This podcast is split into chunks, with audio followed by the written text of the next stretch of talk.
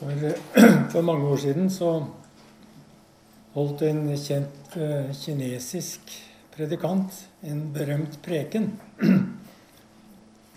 som ble kalt 'Sitte, vandre, stå'. Jeg ser en, noen av dere nikker. Har lest denne prekenen. Og jeg husker ikke så mye av eh, selve prekenen, men jeg husker disse punktene. Eh, og det var eh, Watchman 9 som brukte tre vers fra Efeserbrevet for å få fram et poeng eller sine poeng. Og I Efeserbrevet så står det at vi er satt i himmelen med Kristus Jesus. Og så står det om å vandre eller leve på en måte som er verdig det kall Gud har gitt oss. Og til sist, ifra Efeserne 6, står det at vi blir oppfordra til å bli stående i kampen mot onde krefter. Så det er altså disse tre punktene, da. Klassisk preken. Punkt 1, 2, 3. Sitte, vandre, stå. Som sagt, jeg husker ikke så mye av denne prekenen, men punktene husker jeg. Og særlig jeg har jeg lyst til å legge vekt på det første punktet da, her i formiddag. Og det første punktet handler om å sitte, altså. Og det handler om at Gud har satt oss, eller plassert oss, eller til dere som lever i dataverdenen, implementert oss i Kristus Jesus. Og Bibelen sier at i Kristus Jesus har han reist oss opp fra døden sammen med ham og satt oss i himmelen med ham. Og poenget her, det er at selve utgangspunktet, eller basis, for det kristne livet, det er hvile. Og nå sitter vi jo alle sammen her i dag og hviler. I hvert fall dere, da sitter og hviler. Og da kan vi jo kanskje også tenke oss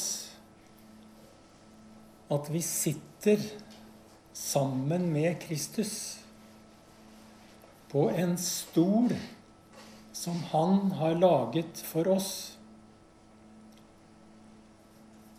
Og den stol som Jesus har laget for oss, det er en hvilestol. Og det er der vi har basis for troens liv.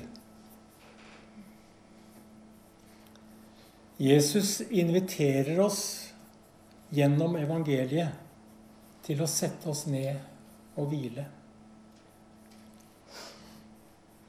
Å hvile er jo, som vi vet, det motsatte av uro og frykt. Hvile er det motsatte av strev prestasjon og arbeid. For av nåde er dere frelst ved tro.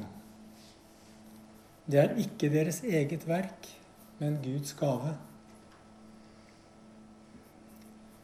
Å være kristen, det handler først og fremst om å sette seg ned i et verk som er fullt ferdig. Og det kreves ingen prestasjon av oss for å kunne hvile i Kristus. Og det underlige er at eh, når vi tar fram og legger vekt på disse tre punktene sitte, vandre, stå så er jeg redd for at eh, vi alle, til alle tider kanskje også, har en tilbøyelighet og har størst vanskeligheter med det første. Det er lettere for oss å vandre og stå i kampen enn å hvile. Mens det er jo hvile som er basis. Det er utgangspunktet for det livet Gud har kalt oss til. Men vi er på en måte som de vingårdsarbeiderne i Jesu lignelse som, som ble ansatt på De ble ansatt da arbeidsdagen var slutt. Men allikevel så fikk de full lønn. Og det rimer jo liksom ikke om, overens med rettferdighetssansen. Men i Guds rike så er det ikke rettferdighet i den forstand som råder. Det er nåde. Og Derfor er vi som de vingårdsarbeiderne som ble kalt inn på slutten av dagen, da arbeidsdagen var slutt, men allikevel fikk full lønn. Og når det kommer til vandringen i det kristne livet, så er det åpenbart at vandringen blir jo tung hvis vi ikke kan hvile. Og hvordan skal jeg kunne stå imot onde krefter dersom jeg ikke hviler? Og hvilen, den må sitte i meg. Hvilen må bli et, et grunnleggende del av mitt liv når jeg vandrer, og når jeg står. Når jeg lever, og når jeg kjemper.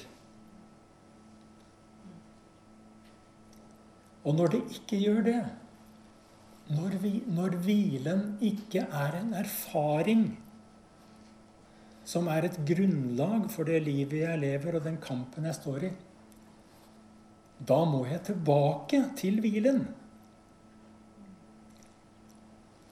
Og denne enkle gudstjenesten her i formiddag, den kan være en invitasjon til å finne tilbake til hvilen. Når vandringen blir tung, og når kampen blir hard, da behøver vi hvile mer enn noe annet.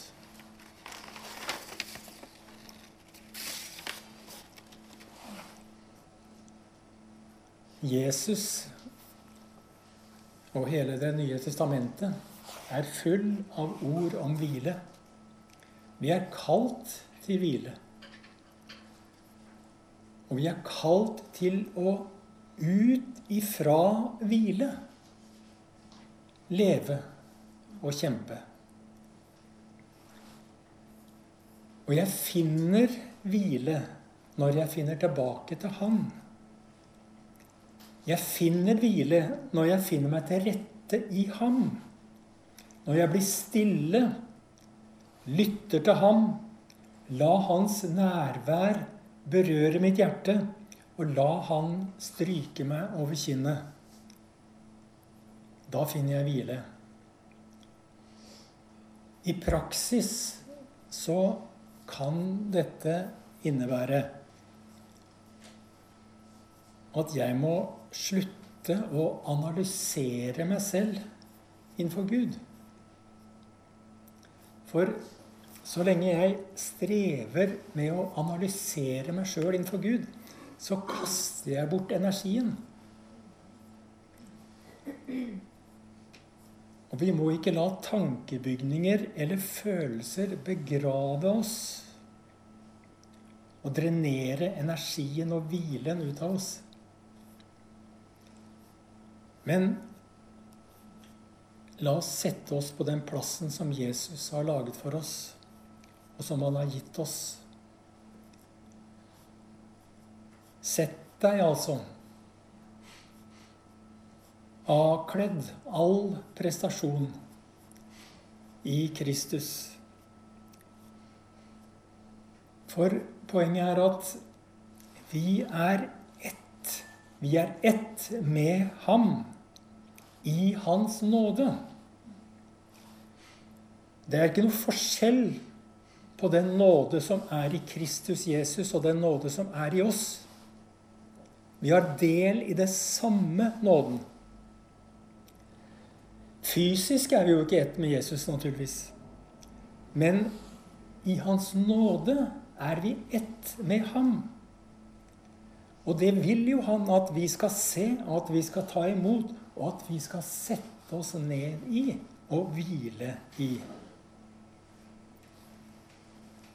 En forfatter jeg leste nylig, han sier ikke fokuser på hva du er, men ganske enkelt på at du er.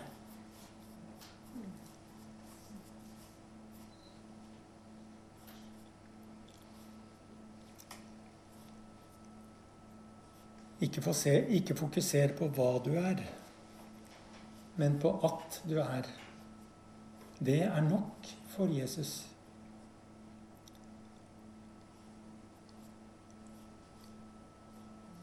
Og Jesus oppfordrer oss til å holde Guds gave og Guds nåde som en slags, slags kompress over våre åpne sår.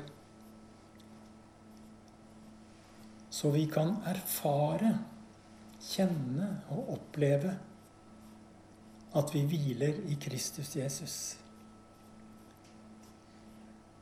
Og kanskje er det for at vi skal bli minnet om det, at vi er samla her i dag.